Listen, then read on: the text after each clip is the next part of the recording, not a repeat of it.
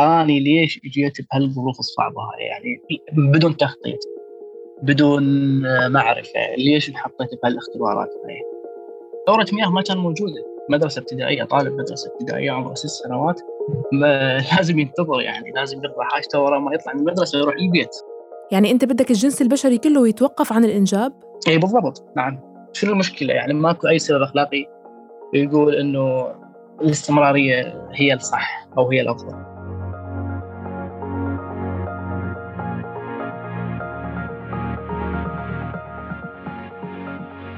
سمعتوا صوت كرار علي شاب عراقي مواليد بغداد سنة 1995 حاصل على بكالوريوس علوم سياسية ويعمل ك freelancer في مجال الميديا. تواصل معي كرار عبر الماسنجر في الفيسبوك بعد ما نشرت post في أحد جروبات اللا إنجابيين بسأل فيه عن أشخاص عندهم رغبة يسجلوا معنا حلقات في بودكاست صارت معي ضمن سلسلة اللا إنجابيين وفعلا اتفقنا على موعد عبر زوم وخبرنا كرار عن سبب اتخاذه قرار عدم الإنجاب ورأيه بالموضوع بشكل عام. خبرنا أيضا عن تأثير المدرسة عليه وجو المدارس في العراق بشكل عام وعن صعوبة إيجاد شريكة تتفق معه بأفكاره.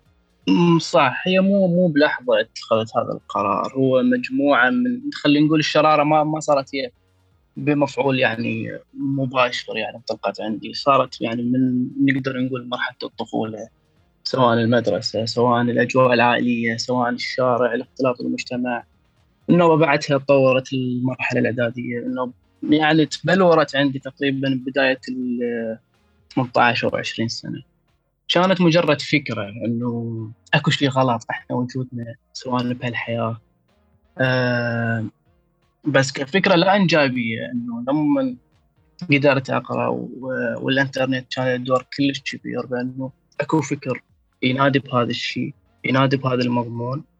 تعرفت عليه أكثر. واللي بتعريف بسيط اذكره للفيلسوف البلجيكي ثيوفيل دي جيرو اللي يقول إنه اللا إنجابية هي اعتقاد فلسفي.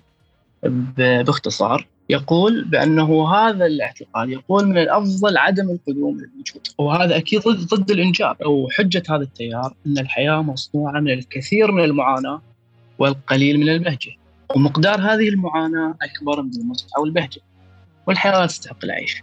رغم ذلك أنه لا يقدمون على الانتحار وأحياء ونستمر بالحياة اللي هم لا إنجابيون. لكن جلب أفراد جدد إلى هذا العالم تحت أي ظرف أمر سلبي. واحتمالية تعرضهم للمعاناة تكون قائمة. يعني بلحظة ولادتهم هم معرضين أو راح راح يتعرضون لهذه المعاناة.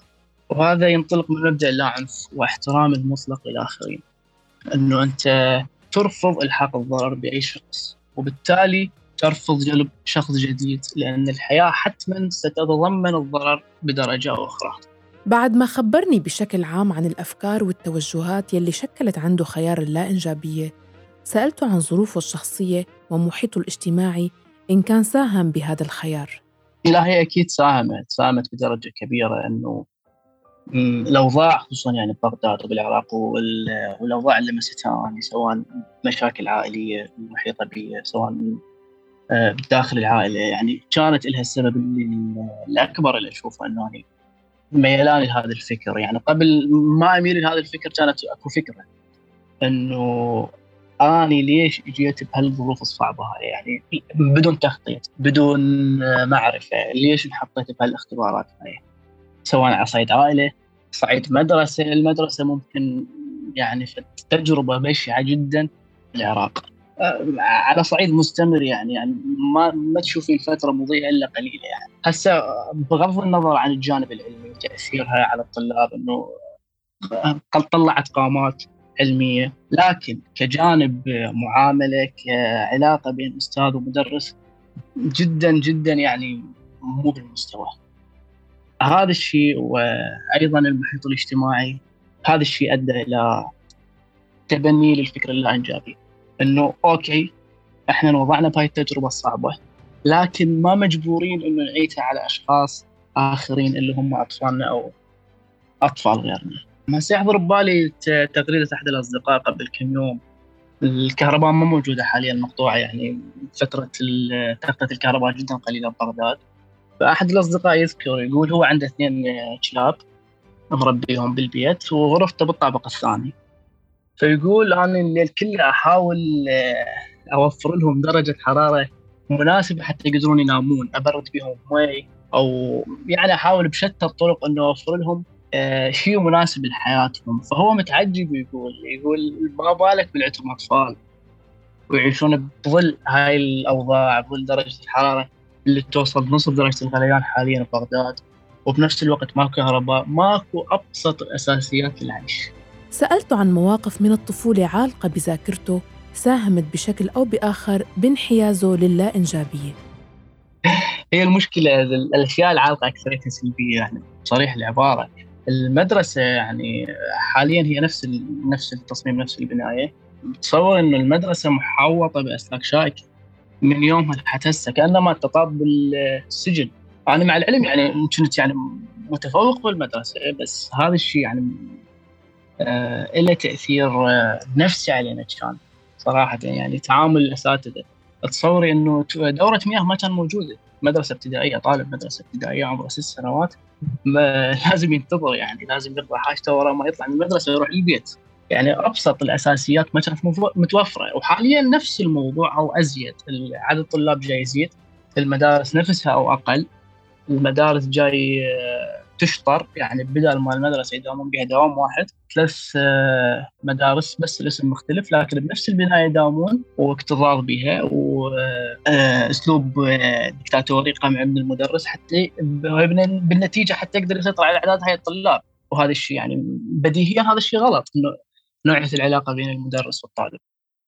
من المدرسة انتقلت بالحديث معه عن المنزل وسالته عن طبيعة العلاقات داخل الأسرة.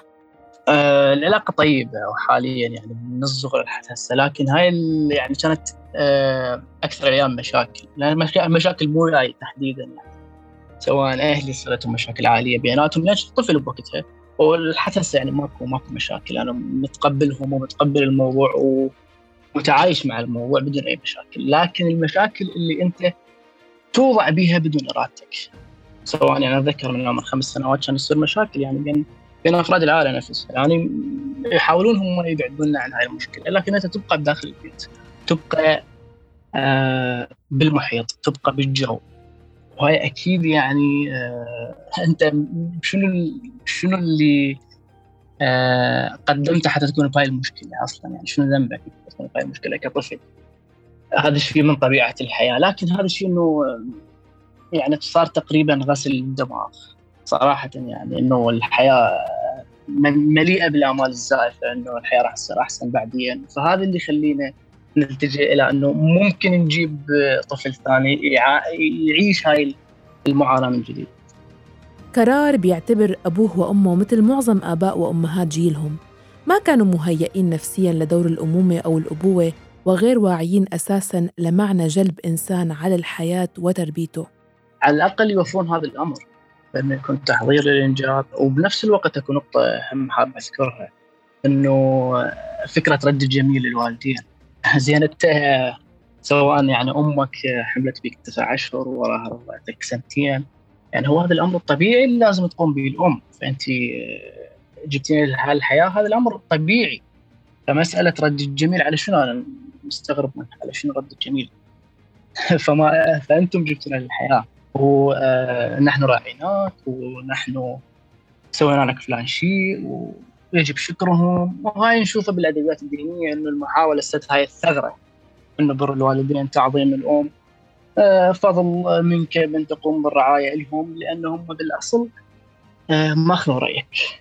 أنت جاي تعطي آه، كأنما دين أنت ما طالبه أو مو فضل أنا ما أعتبره فضل فأنما مثل الشخص يجيك يعطيك المبلغ وبعد فترة يطلب منك فد خدمة أو يقدم لك فد خدمة هو أنت ما طالبها منه أصلا ويجي بعدين يقول لك تعال رد لي هاي الجميل وهاي نشوفه يعني آه، انه الربط بين الأمر الغريزي والأمر الاجتماعي. لما نشوف شخص وصل عمره 30 نشوف الضغط الاجتماعي عليه بأنه أنت لازم تجيب 10 أطفال أو خل على سبيل المثال 10 أطفال. لأنه إحنا وصلناك لعمر 30 صرفنا عليك تعبنا عليك.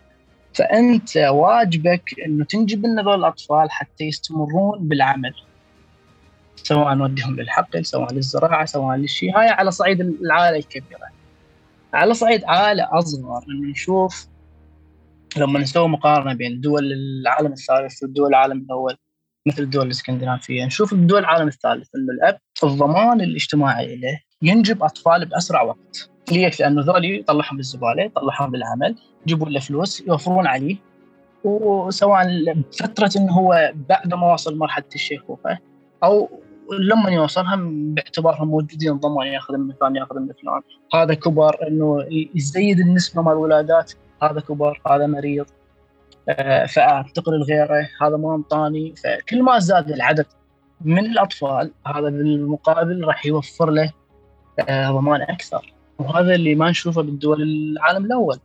من الدولة هي متكفلة سواء الدول الاسكندنافيه اللي وصلت تجربة جميلة بهذا الشيء إنه آه، إحنا موفرين لك ضمان لما تكبر فانت ما محتاج إنه تخلص هالعدد الكبير من الأطفال. إنه أكو دار رعاية تحفظ لك كرامتك آه، سواء لما تكبر بالعمر. وهذا أيضا ينقلنا الحلقات مال أعتقد آه، أكو هيك حلقات مال أمهات سنجل ماذر فنشوف أكثر نشوف النساء أكثر تحررا في الدول الإسكندنافية بسبب هذا الشيء. إنه أكو ظهر للشخص العاجز. هسه سواء الشخص عاجز كبير بالعمر يحتاج فترة دعم. فهذا ما يحتاج لو سواء الأب ما يحتاج هالعدد الكبير من الأولاد أو سواء المرأة اللي تحتاج الرجل اللي هو يدعمها اللي هو يكون بظهرها. هل واجه أهله بهاي المشاكل وتأثير كل شيء تصرفوه على شخصيته؟ مو بهالدرجة هاي يعني بطريقة شوية أكثر أكثر دبلوماسية أكثر طرحت الموضوع صراحة يعني بس مو بنفس هاي الطريقة مو بنفس هاي الفكرة. لكن هسه هو حتى لو يعني ما نطرحها أشوف الموضوع يعني فات وعدى ولازم نتقبل هذا الشيء و...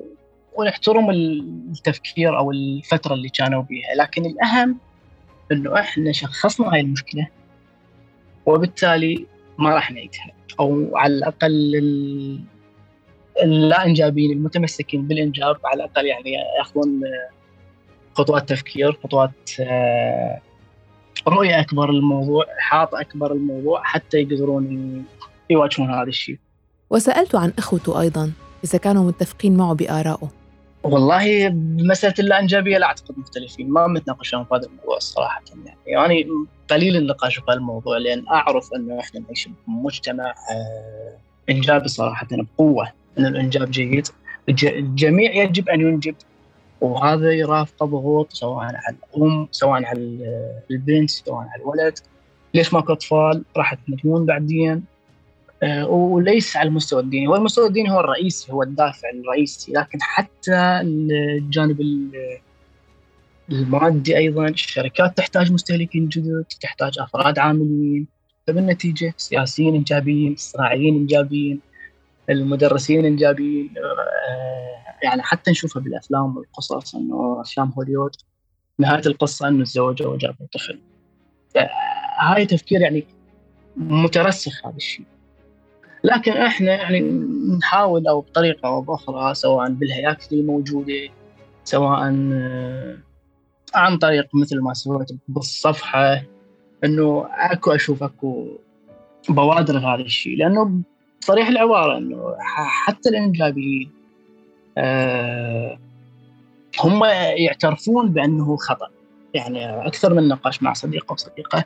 يقول لي okay انت صح. بس أنا راح أنجب. ما أقدر يعني ما أقدر أخرج من هذا النطاق من هذه الضغوط الاجتماعيه تمام؟ وبنفس الوقت نعرف إنه آه، حسب الإحصائيات كل خمس أشخاص واحد منهم يعاني من الارهاق الابوي انه عليك الاعتناء بالطفل عليك السهر عليه آه لما يكبر لما تراعيه بمدرسته بلبسه وما أدري شنو. وبنفس الوقت انت مرهق كأب أو كمربي لهذا الطفل. لكن عليك الاستمرار. هل ممكن يغير رأيه لو تحسنت أحواله أو عاش في بلد ظروفها أحسن من ظروف العراق؟ مطلقا ضد الإنجاب. هسه السبب الأول اللي إحنا اعتمدنا عليه إنه الحياة بائسه الحياة ما تستحق العيش. هذا السبب ممكن يتغير لكن آه ننتقل إلى السبب الثاني إنه الإنجاب شخص بدون موافقته. يعني أوكي هسه ممكن الحياة تكون بالنسبة لنا زينة ووصلنا إلى مرحلة أو تفكير فلسفي بأن الحياة ممتعة أو زينة أو متقبلينها. إحنا لكن هذا الشيء ما نقدر نورثه لأطفالنا أو ما نقدر نضمن بأن أطفالنا راح يعيشون السعاده أوكي ممكن وفرنا لهم لكن هذا الشيء ما نقدر ناخذ رايه بانه جلب شخص للحياة بدون موافقته. بالتالي يعني ننتقل إلى حجة ثانية إنه جاب الأطفال آه، والأغلبية واللي جاي نشوفه من محيطنا من أقاربنا من أصدقائنا إنه بدون أي تفكير بدون أي تحضير هاي المسؤولية. وهاي المسؤولية بنفس الوقت ما يمكن أن تتراجع عنها. يعني إحنا نشوف بعض الأفراد لما يريد يشتري سيارة يروح يدخل دورة مع تعليم سياقة سواء أسبوع أو شهر يضبط الموضوع ويصرف فلوس في سبيل إنه يتعلم وما يصير عنده أخطاء، لكن هذا نشوفه لما اثنين يقررون يجيبون طفل.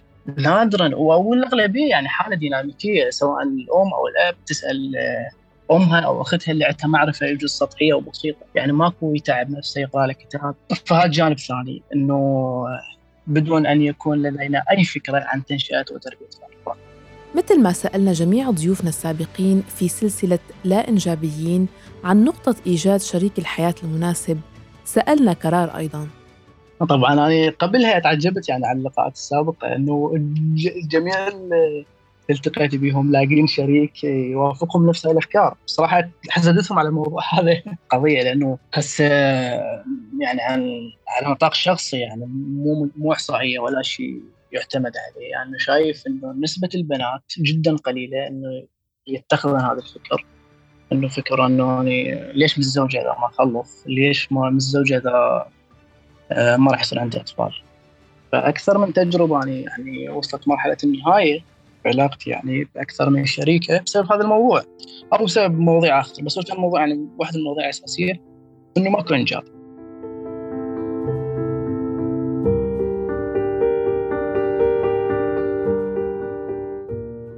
هي الأغلبية مقيدة مثل ما ذكرنا بالظروف الاجتماعية تكون ضاغطة عليها.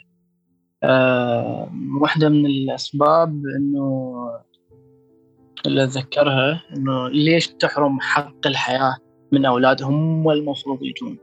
وهي أعتقد يعني هواي سامع هذا السبب من الكثير من الإنجابيون.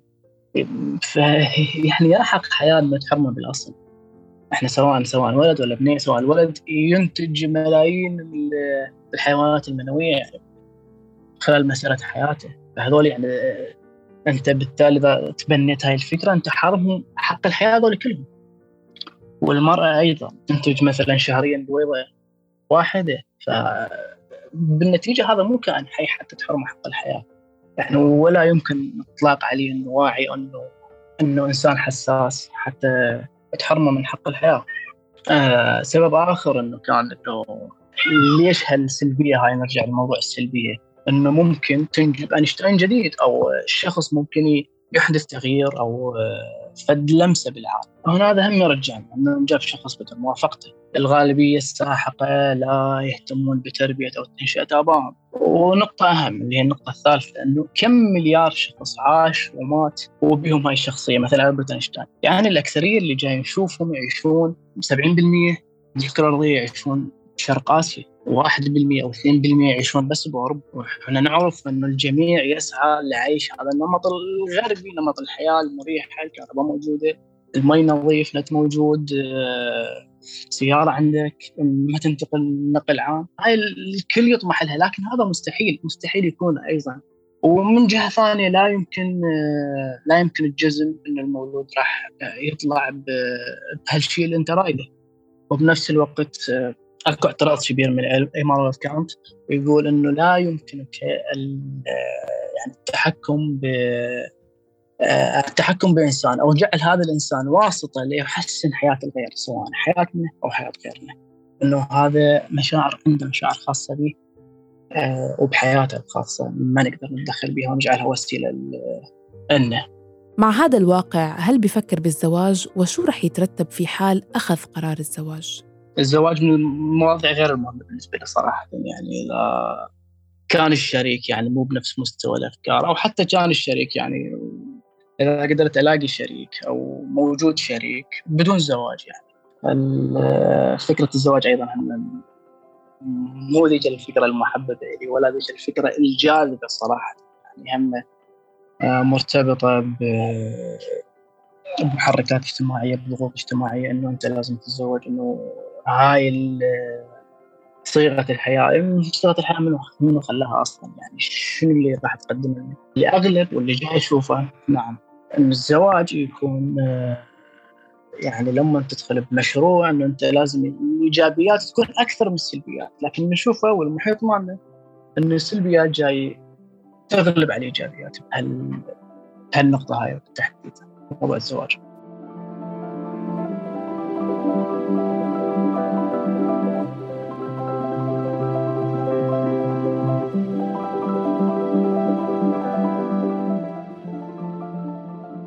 صراحة كانت آه، موضوع ممتع وشكرا لإتاحة هاي الفرصة لتعريف آه، الناس بالفكر. أعتقد أنه مثل ما ذكرت في البداية أنه أكثرية من الناس غايب عنهم هذا الموضوع أو عندهم هذا الموضوع حتى الإنجابيين. أنه آه، أذكر على سبيل المثال اكتئاب ما بعد الولادة أنه حوالي 10 أو 20% اللحظة الأولى اللي يشوفون رضيعهم بالمستشفى تجيهم هاي الفكرة إنه يا مسكين ما الذي أنت مقبل عليه؟ ولما صار يعني بلحظة إنه صار طفل حقيقي مو خيالي مو مجرد فكرة. أه بنفس الوقت حاب أذكر شيء يعني بالختام جدا يعجبني هذا الشيء إنه أكو موضوع طرح الكاتب والفيلسوف البلجيكي ثيوفيل جيرو آه، مشروع جاي يشتغل عليه اللاإنجابية المستندة إلى العلم. آه، يحاول يخلي المجسات بالدماغ آه، تطلع المشاعر اللي يتعرض لها الدماغ من خلال المحيط مالته مثل الساعات اللي نرتديها تقيس مستوى الأكسجين أو دقة القلب. فهاي نفسها يعني تتقلب الدماغ وتعيش وتقيس نسب المشاعر سواء مشاعر سلبية أو إيجابية.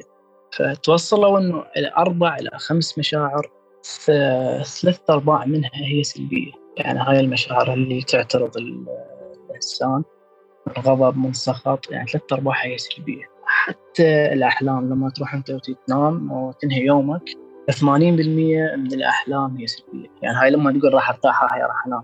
فأكو آه، طريقة علمية إنه من خلالها نكتشف بأن الحياة قاسية. هذا عكس ما يجعلنا نؤمن به بأن الحياة بديعة وهدية معجزة جدا جدا بعيده عن الواقع. بالإضافة إلى هذا حاب أذكر موضوع الانتحار وال واللي دائما نواجهه من الإنجابيين إنه ليش ما تنتحر إذا عندك هذا الشيء؟ بصراحة هذا تعليق جدا مزعج. وبنفس الوقت يحرض على الانتحار وغير قانوني. إحنا حتى لو عانينا بمجرد وجودنا بهاي الحياة انه الحمض النووي مالتنا برمجنا على الخوف من الموت. فهاي الأمر مو بيدنا منقوش بحمضنا النووي. آه وهذا أكيد عند كل الحيوانات إنه التكيف مع الواقع الدماغ خلق بهاي الطريقة أو وجد بهاي الطريقة حتى يتكيف مع في الواقع.